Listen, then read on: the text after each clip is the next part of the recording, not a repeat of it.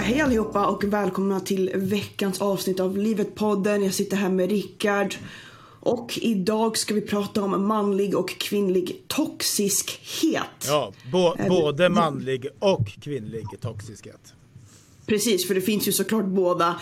Även fast vi tenderar att höra att det bara finns manlig toxiskhet. Jag tror inte det är så många som tänker på kvinnlig toxiskhet. Det är ingenting som allmänheten pratar om. Eh, det är ingenting som eh, public service rasar om utan det är oftast fokus på eh, destruktiva beteenden hos män. Det är vi vana vid att höra. Ja, frågan eh, blev faktiskt aktuell i det här programmet Sverige möts där man diskuterade feminism för några, några veckor sedan. Pontus Persson var med bland annat.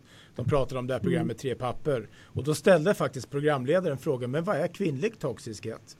Så att ämnet har börjat nämnas i alla fall. Mm. Ja, men jag tycker det var intressant att de tog upp det på Sverige möts mm. för att det kanske inte är någonting man har, vanligtvis har diskuterat. Nej. Jag, jag, tänk, det... jag tänkte innan eh, vi började där så satt jag och tänkte lite att eh, alltså toxiskhet det är ju då någonting som förgiftar, som får en destruktiv inverkan. Eh, och mm. då tror jag att man kanske eh, om vi pratar om manligt och kvinnligt, då så kan vi dels tänka att någonting som förstör ett förhållande, ett kärleksförhållande.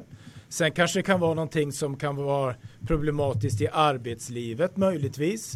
Och sen så kanske det kan vara samhället i stort. Eh, mm. för att, så att, men det kan ju liksom vara samma problem.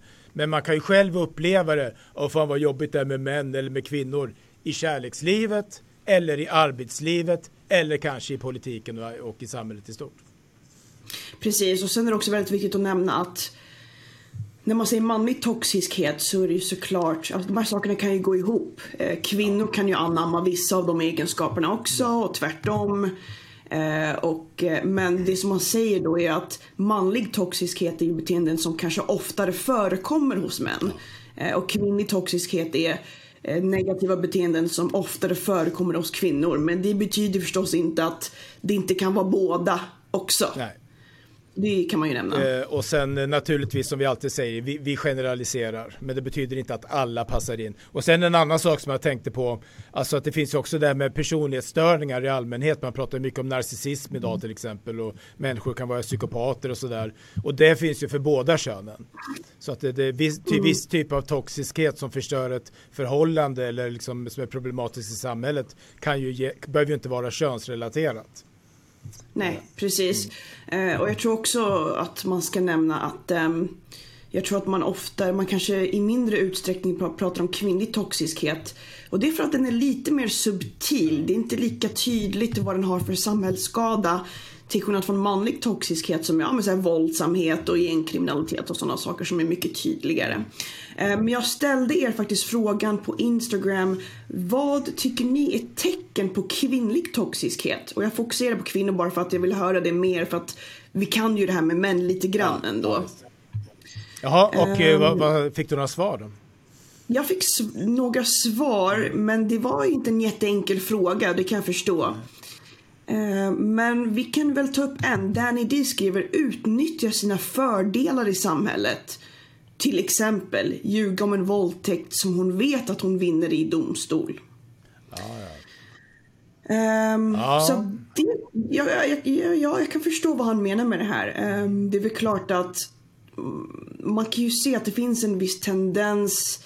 Uh, nu tror jag inte att så här, de allra flesta kvinnorna går runt och ljuger om sådana seriösa saker. Skart, då måste man vara riktigt um, skadat för att kunna ljuga om något sånt. Mm. Uh, men kanske att man drar fördelar av sitt kvinnliga privilegium i samhället på ett sätt. Alltså att man drar fördelar av det uh, samtidigt som man kanske uh, klankar ner på män och kanske är lite hycklande ja. på det sättet.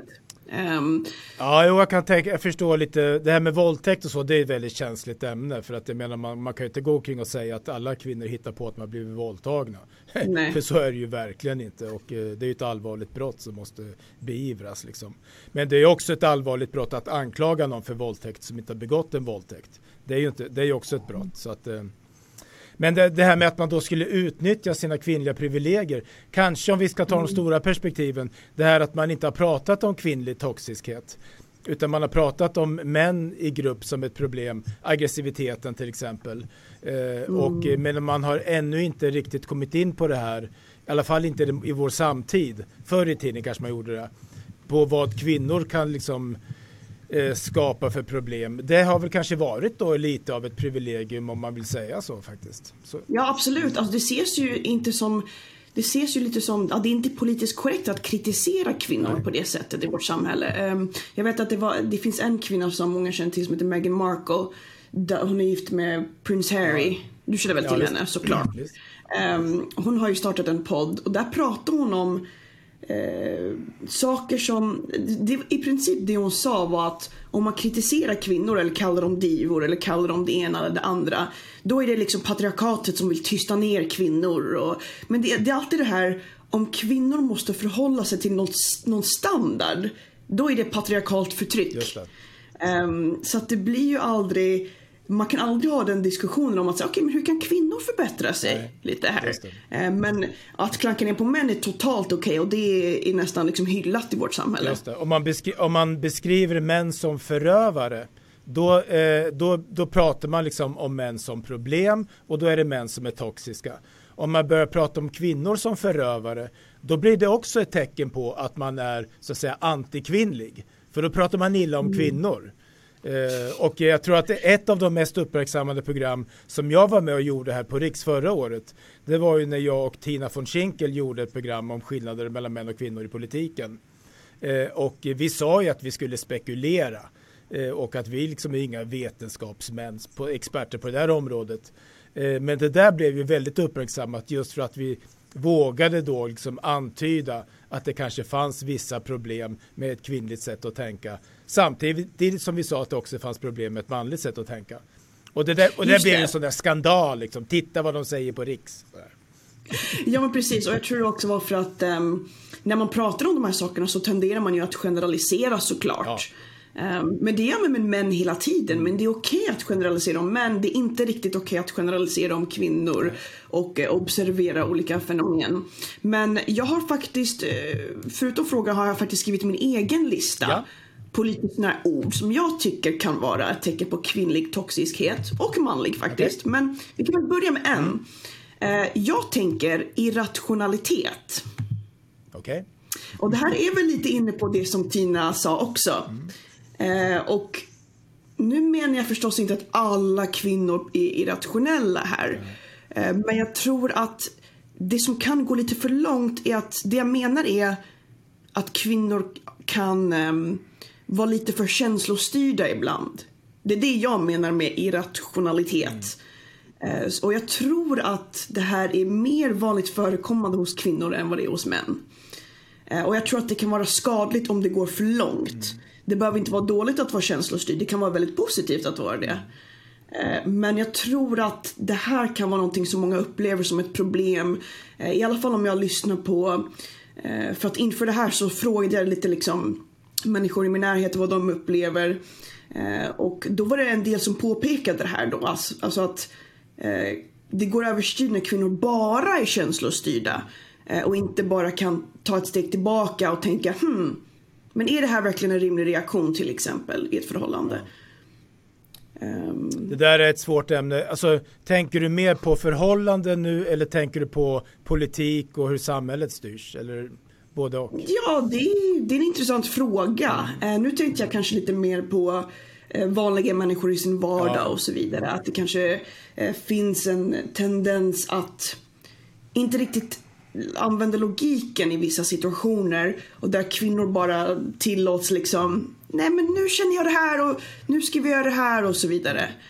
Um, och som sagt, jag tycker det är ju positivt. Och det kan vara positivt att kvinnor är känslostyrda för att balansera upp eh, gentemot män och så vidare. Men om det går för långt så är den här extrema irrationaliteten inte jättepositivt. Ja. Utan den kan ju vara skadlig. Nu ska jag försöka väga mina ord på guldvåg här så att jag säger det, att jag kan försvara det jag säger.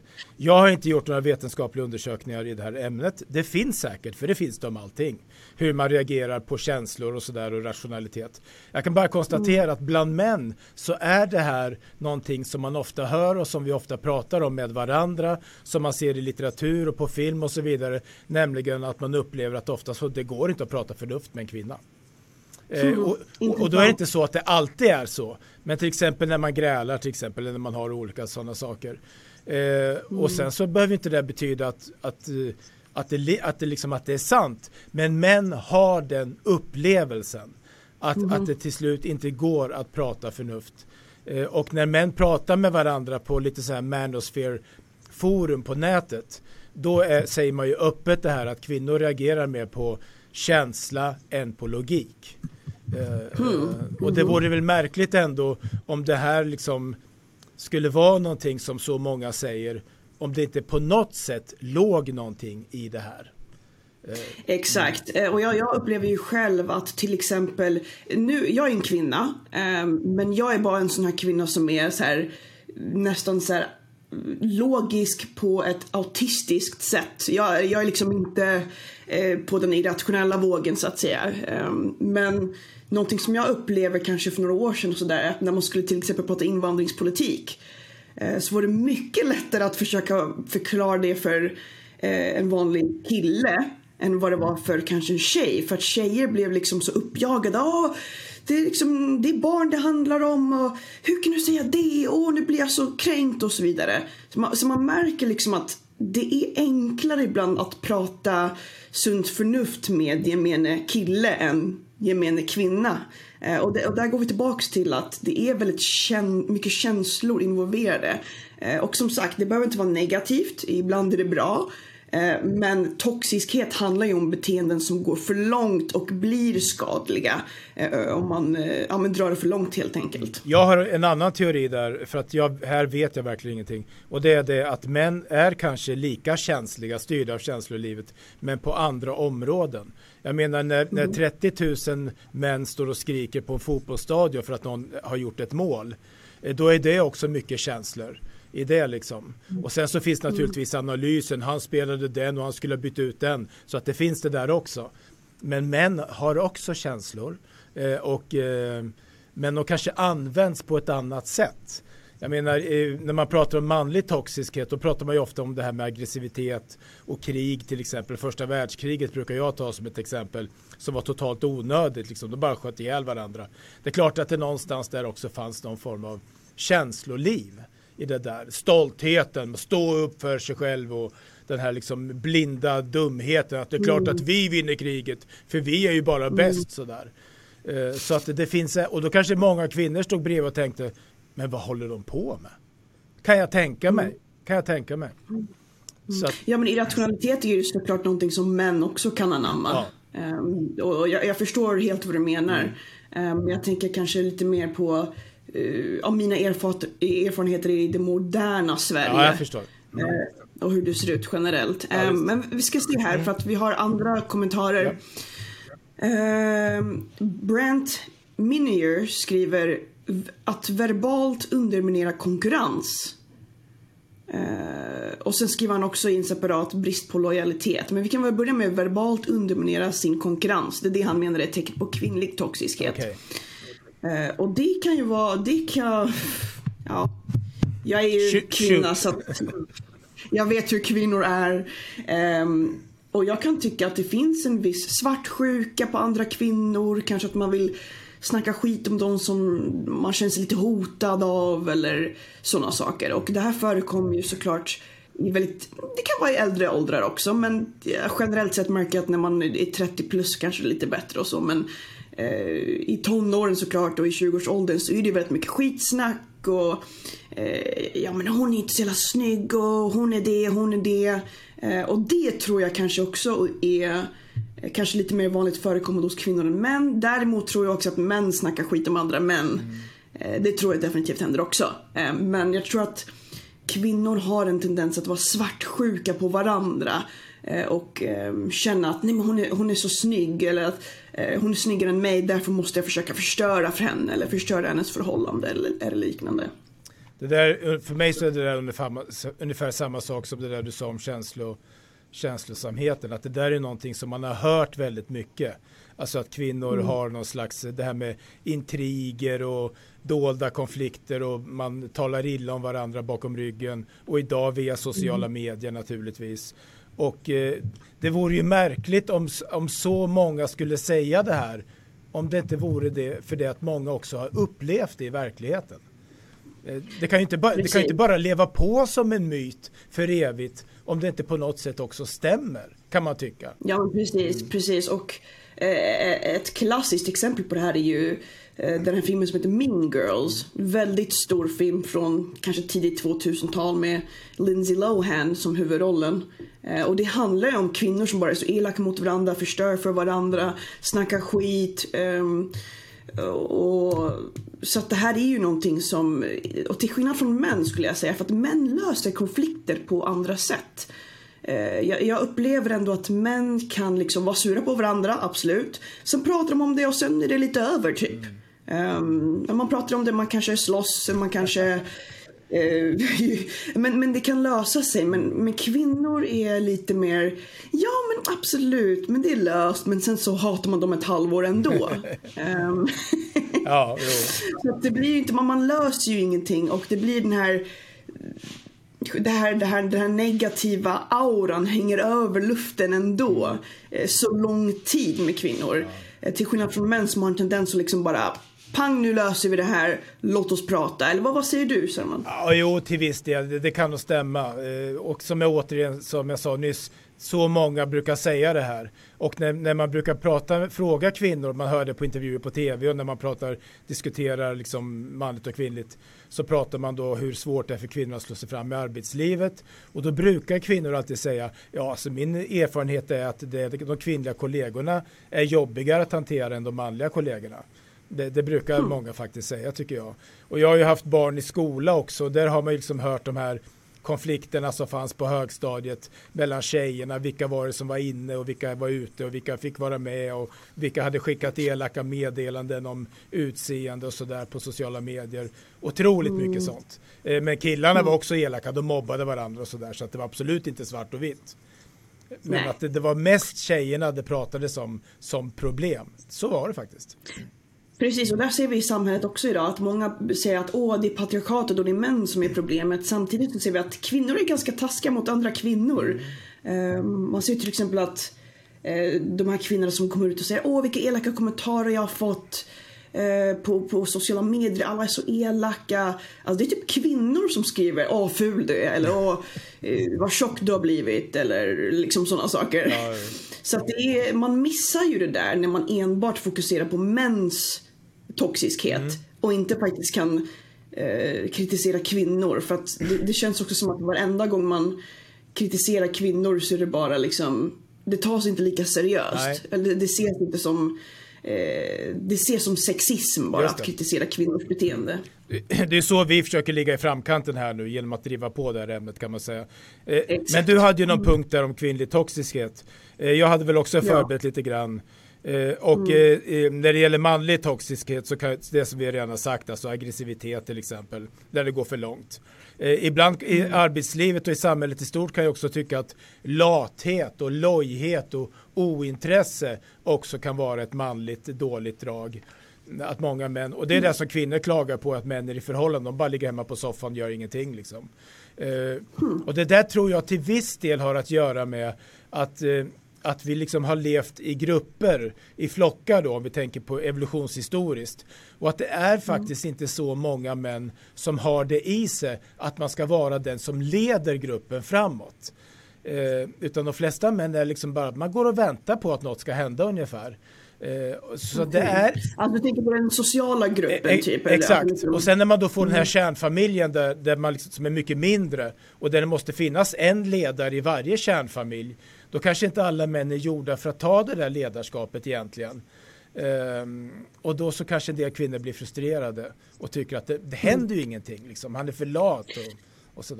Ja just det och, och, kvinnor är ju mycket mer kanske sociala varelser. Ja. Ehm, jag vet inte, man, man pratar ju väldigt mycket om till exempel att eh, när man är gift, ett gift par, så är det alltid kvinnan är bättre på att hålla kompisrelationer, är bättre på att eh, nu, men nu drar vi ut och träffar kompisar och medan männen blir kanske ganska bekväma ja. av sig. Mm.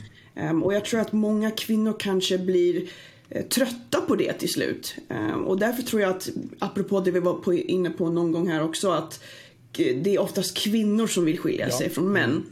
Jag tror faktiskt att det beror på att de bara är så här, nej men det här är tråkigt, mm. jag behöver något nytt, ja. jag behöver, det behöver hända saker. Ehm, men det, det, är ju såklart en negativ egenskap hos män. Mm. Jag ska, jag ska en del till av det där, för att om vi har den här tendensen som jag tror att många känner igen i äktenskap, att efter några år så börjar mannen ligga på soffan, bli passiv, det blir kvinnan mm. som mhm. betalar räkningarna, som planerar semestern, som ser till att eh, planera födelsedagar och sådär, så kan det också ha att göra med att män kanske inte är gjorda för det där riktigt.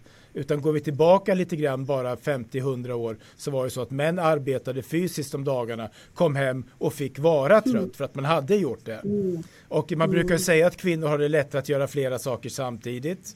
Eh, det kanske är så. Män kanske behöver lite rakare, tydligare, en sak i taget och eh, sådär. Så att eh, jag tror att många män lider i det moderna samhället mm. av det här att vi hela tiden måste göra saker. Eh, och att vi liksom mm. hela tiden måste ligga före. Och, eh, Just det, men, men kan det här gå in lite i det här med många unga män idag? Som kanske bara sitter och spelar tv-spel och sådana saker och mm. att det eh, blir ju ett skadligt beteende för dem själva. Eh, att de bara liksom sitter 14 timmar om dagen och spelar tv-spel och vet inte vad de ska göra riktigt. Tror du att det spelar in i det också? Ja, jag tänker bara att det blir ju ännu en distraktion som gör att man inte lyckas orka ta tag i sitt verkliga liv. Liksom. Om jag dessutom ska hänga mm. på Twitter och Facebook två timmar om dagen eller spela spel då får jag ännu mindre mm. tid och energi över att laga mat åt barnen, diska efteråt, läsa en saga, planera vad jag ska göra i helgen, betala räkningen, eh, planera renoveringen av huset och så vidare och så vidare och så vidare. Just det. Ja, för jag har också hört från människor i min närhet äh, att vissa män idag, de här unga killarna som kanske är singla och har varit singla i fem år. Eh, om man frågar dem så här, men varför är ni singla tror ni? En del säger bara Alltså det är för mycket jobb med att gå och försöka eh, skaffa en tjej och jaga dem och betala för ah, dejter. Och, åh, vad jobbigt. Och jag bara tänker, aha. vad märkligt. Alltså det är, jag förstår inte alls varför det är, men jag vet inte, jag, jag är kvinna så jag, jag fattar ju inte det där. Men det kanske också spelar in i det du säger här, att man bara blir lat liksom, ja, på något sätt. Men det där, så, om det är så så tror jag inte så mycket att det är, data, att det är spelens fel utan det är nog mer pornografins mm. fel i så fall.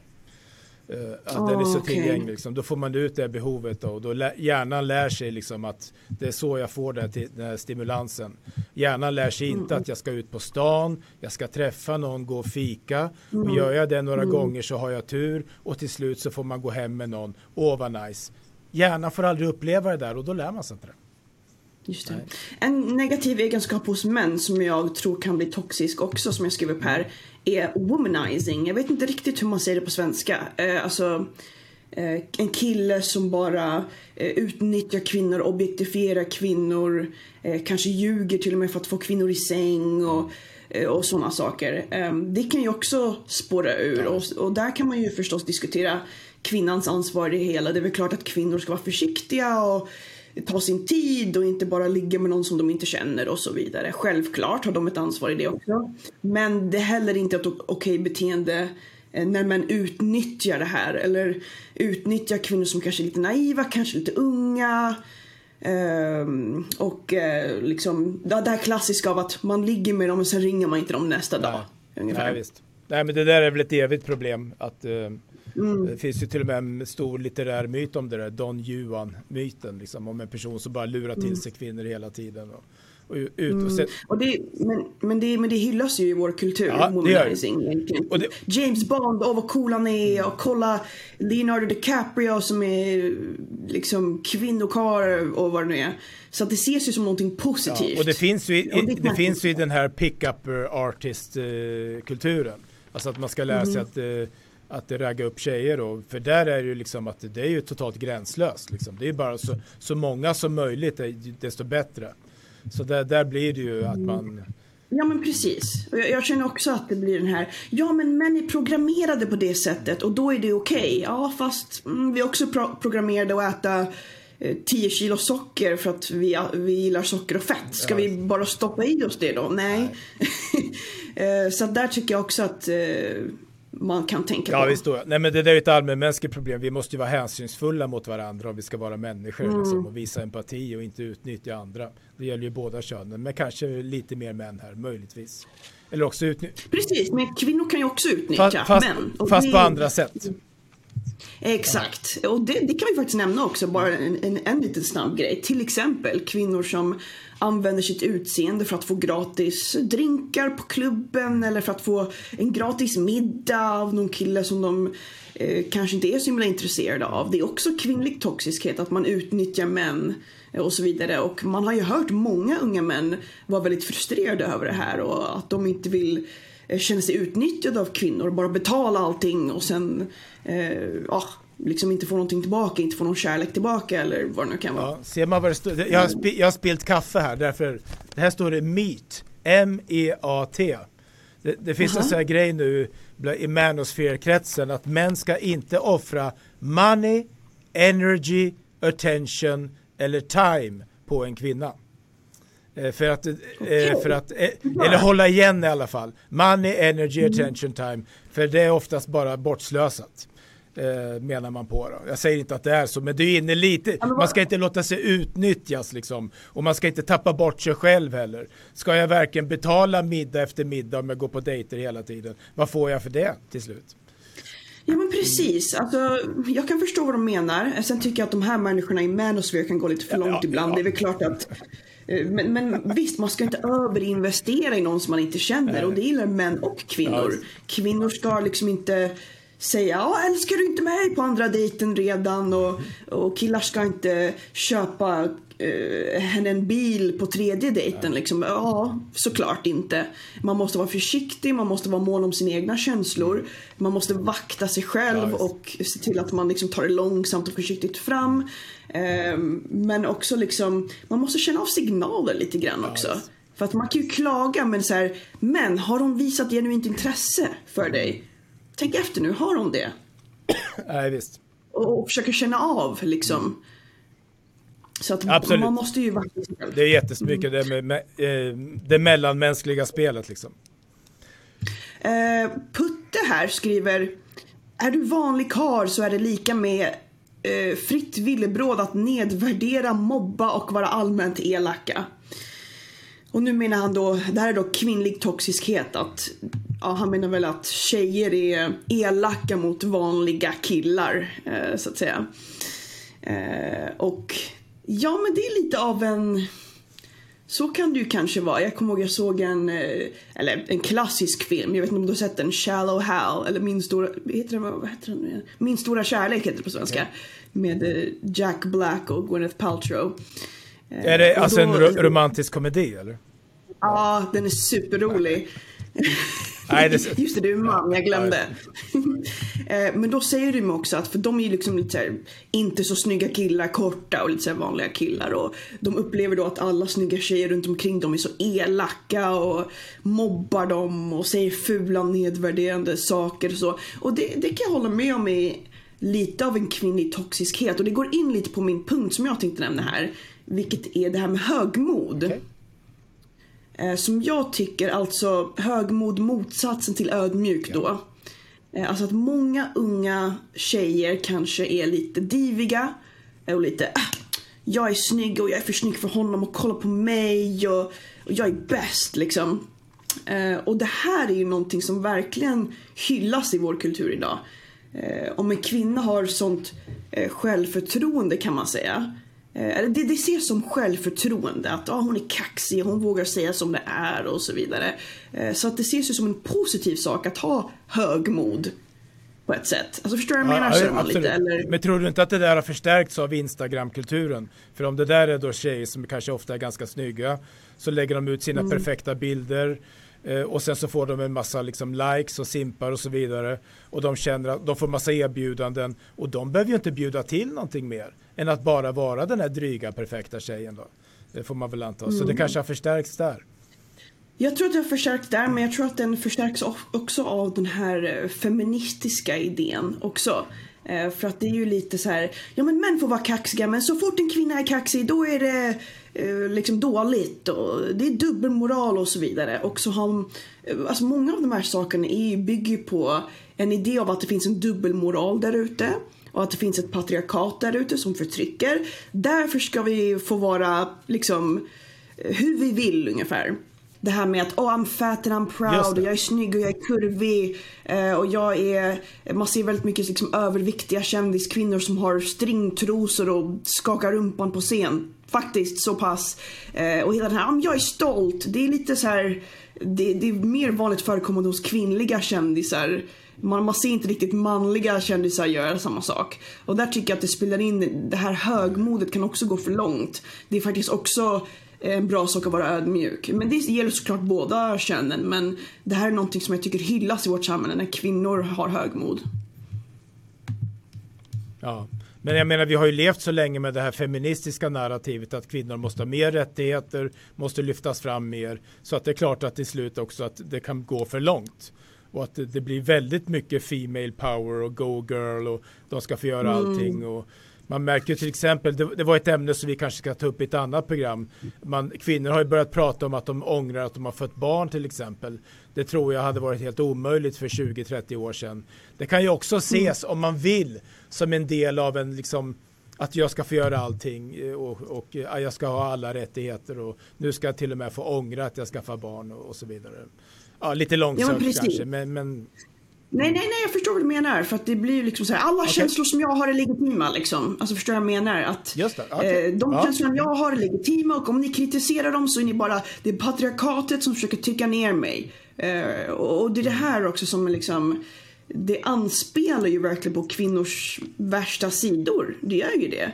Det, det är väl klart att det hade gjort samma sak ja. med män. Om samhället hade sagt att ja men ditt våld är okej okay och eh, så länge du känner det så är det äkta. Och det är väl klart att det spårar ur då. Så att, därför tror jag att det är så viktigt att vi har den här konversationen för att det är faktiskt okej okay att säga, vet du vad kvinnor, ta det lite lugnt. Allt ni gör är inte bra och perfekt. Allt är liksom inte eh, felfritt som ni gör utan det är faktiskt okej okay att kritisera kvinnligt Eh, beteende också. Eh, nu vet jag inte hur mycket tid vi har kvar Sörman här faktiskt. Har, har du eh, koll på Men tiden? Vi kan ta, ta en, ja lite ungefär tror jag. Vi kan ta en punkt till som jag hade tänkt i alla fall. Och då tänker jag mm. mer på samhället, inte så mycket kärleksförhållanden, utan samhället och arbetslivet och sådär och politiken. Och jag har en uppfattning, det är alltså, jag har inga bevis för det, det är det att med, när kvinnor har kommit in i arbetslivet och in i offentligheten så har vi fått mer av det här tänket att vi måste se till att alla gör likadant. Eh, och det är så viktigt att vi alla arbetar på, olika, på samma sätt. Och det är så viktigt att alla får vara med och att alla är lika mycket värda. Och vi måste planera hur vi ska göra så att vi försäkrar oss om att alla gör likadant och att alla behandlas mm. likvärdigt. Och sen efteråt så ska vi också utvärdera så att vi ser till, försäkrar oss om att vi gjorde rätt och så att vi kan lära oss av våra misstag. Den här typen av liksom metanivå i arbetet upplever jag härrör ur ett kvinnligt tänkande. Faktiskt. Mm. Vad, vad tänker du om det? Ja, jag håller med om det. Det var lite det vi var inne på förra gången också. Eh, för det blir ju att kvinnor gillar ju förutsägbarhet. Vilket såklart inte är negativt i sig. Men när det spårar ur så blir det ju kanske lite av den här kontrollerande eh, kulturen av att vi alla måste vara mammor till varandra och mm. eh, se till att barnen sköter sig ungefär. Eh, ja. Så att, eh, där, därför ser vi liksom en helt annan attityd i människor som jobbar inom off offentlig sektor. Eh, och, men det blir ju, när du beskriver det där så känner jag, åh gud vad tråkigt. Ja. Eh, och, och då kan jag förstå varför så många män kanske dras till näringslivet där det är lite mer spänning, lite mer. Att man kan vara individ. Ja. Att man kan um, skina, man kan konkurrera, man kan um, uh, vara bättre än sin kollega och sådär. Men i en kvinnlig värld kanske det inte är så bra att man är bättre än sin kollega och konkurrerar utan där ska alla, alla är lika bra, alla ska ha lika lön och alla är bra och goda och så vidare. Um, ja, så att, ja, jag känner igen det beteendet. Ja, visst. Ett, eh, ja, jag förstår precis vad du menar. Eh, och eh, det som hänger ihop är också, det vad jag också upplevt, det är att kvinnor det, jag tror att många upplever i förhållanden, men kanske också i arbetslivet, har en fantastisk förmåga att intressera sig för vad andra gör. Eh, och, och ha koll på det. Medan män kanske är lite mer sådär som vi sa förut, loja och ointresserade. Att äh, var och en sköter sig själv, ta det lugnt. Uh, jag kan uppleva mm. ändå att kvinnor är lite mer sådär, jaha, liksom, hur jobbar de? Vad har de för lön? Hur gör de? Uh, vad fick de för arbetsuppgifter? Vad gjorde du idag? Och så vidare. Mm. Kan, ja, det tycker jag är ett kvinnligt toxiskt drag som också finns. Sen mm. har kvinnor många fantastiska, underbara drag som jag älskar också. Såklart. Nu pratar vi såklart om manlig och kvinnlig toxiskhet, ja. alltså negativa beteenden som finns hos män och kvinnor. Det betyder inte att alla som eh, har någon av de här egenskaperna ibland är dålig människa, att åh, Nej. Gud vad vi sitter här och dömer det. Absolut inte. Alla kan vara toxiska ibland kanske, ja, men det handlar bara om att vi vill kanske uppmuntra till att både män och kvinnor kan titta på sig själva och tänka, ja men vad kan jag förbättra? Um, och att ja, det, alltså, det är ju en positiv sak och man ska inte bara eh, låta män ta fördel av kritik. Kritik är bra. Just det. det är så vi blir bättre, det är så vi växer. Ja. Och kvinnor förtjänar också att kunna växa i sig själva. Och det är därför vi tycker den här diskussionen är viktig. Det är inte för att vi vill klanka ner på kvinnor. Det är för att vi vill mm. försöka använda eh, våra erfarenheter för att kanske, kanske förhoppningsvis hjälpa till någon. Och syftet med den här programserien som vi gör det är ju att försöka hjälpa till och bidra till att föra debatten om det manliga och det kvinnliga bortom den här feministiska offerretoriken där ju kvinnor alltid är mm. offer och, och, eh, och det hänger ihop med det som du var inne på för det är ett nytt fenomen kanske med internet alltså den här, eh, det här högmodet alltså att man mm. idealiserar sig själv och vi har ju varit inne på det flera gånger att kvinnor kanske inte frågar sig själva men vad ska jag erbjuda i ett förhållande för att han ska vara intresserad av mig? Det har vi pratat om så många mm. gånger. Så att, eh, ja. Precis. Och de sakerna har ju faktiskt verkliga samhällskonsekvenser. Ja. Visst, manlig toxiskhet, våld och sånt är mer uppenbart och vi ser ju gängkriminaliteten och så vidare. Men de här sakerna är faktiskt viktiga att ta upp. Inte bara för att vi ska bidra till kanske ja, men en diskussion om hur man kan ha bra förhållanden med varandra. Men sånt här sipprar ju ut och påverkar eh, samhället också. Ja, eh, så att det, det viktiga diskussioner att ha. Absolut. Idag har kvinnor en mm. väldigt framskjuten roll i samhället, i politiken och yrkeslivet och då är det också rimligt att vi börjar prata om de eventuella problem som har kommit med det. det så är det. Precis. Ja men eh, Sörman, på den noten så tycker jag vi kan avrunda. Eh, men nästa veckas ämne får vi se vad det blir. Ja. Um, och vi får helt enkelt höras. Nästa onsdag kommer vi lägga ut någonting där vi ställer er en fråga och då kör vi på som vanligt helt enkelt. Ja, tack. All tack right. så mycket. Ha det bra nu. Hej.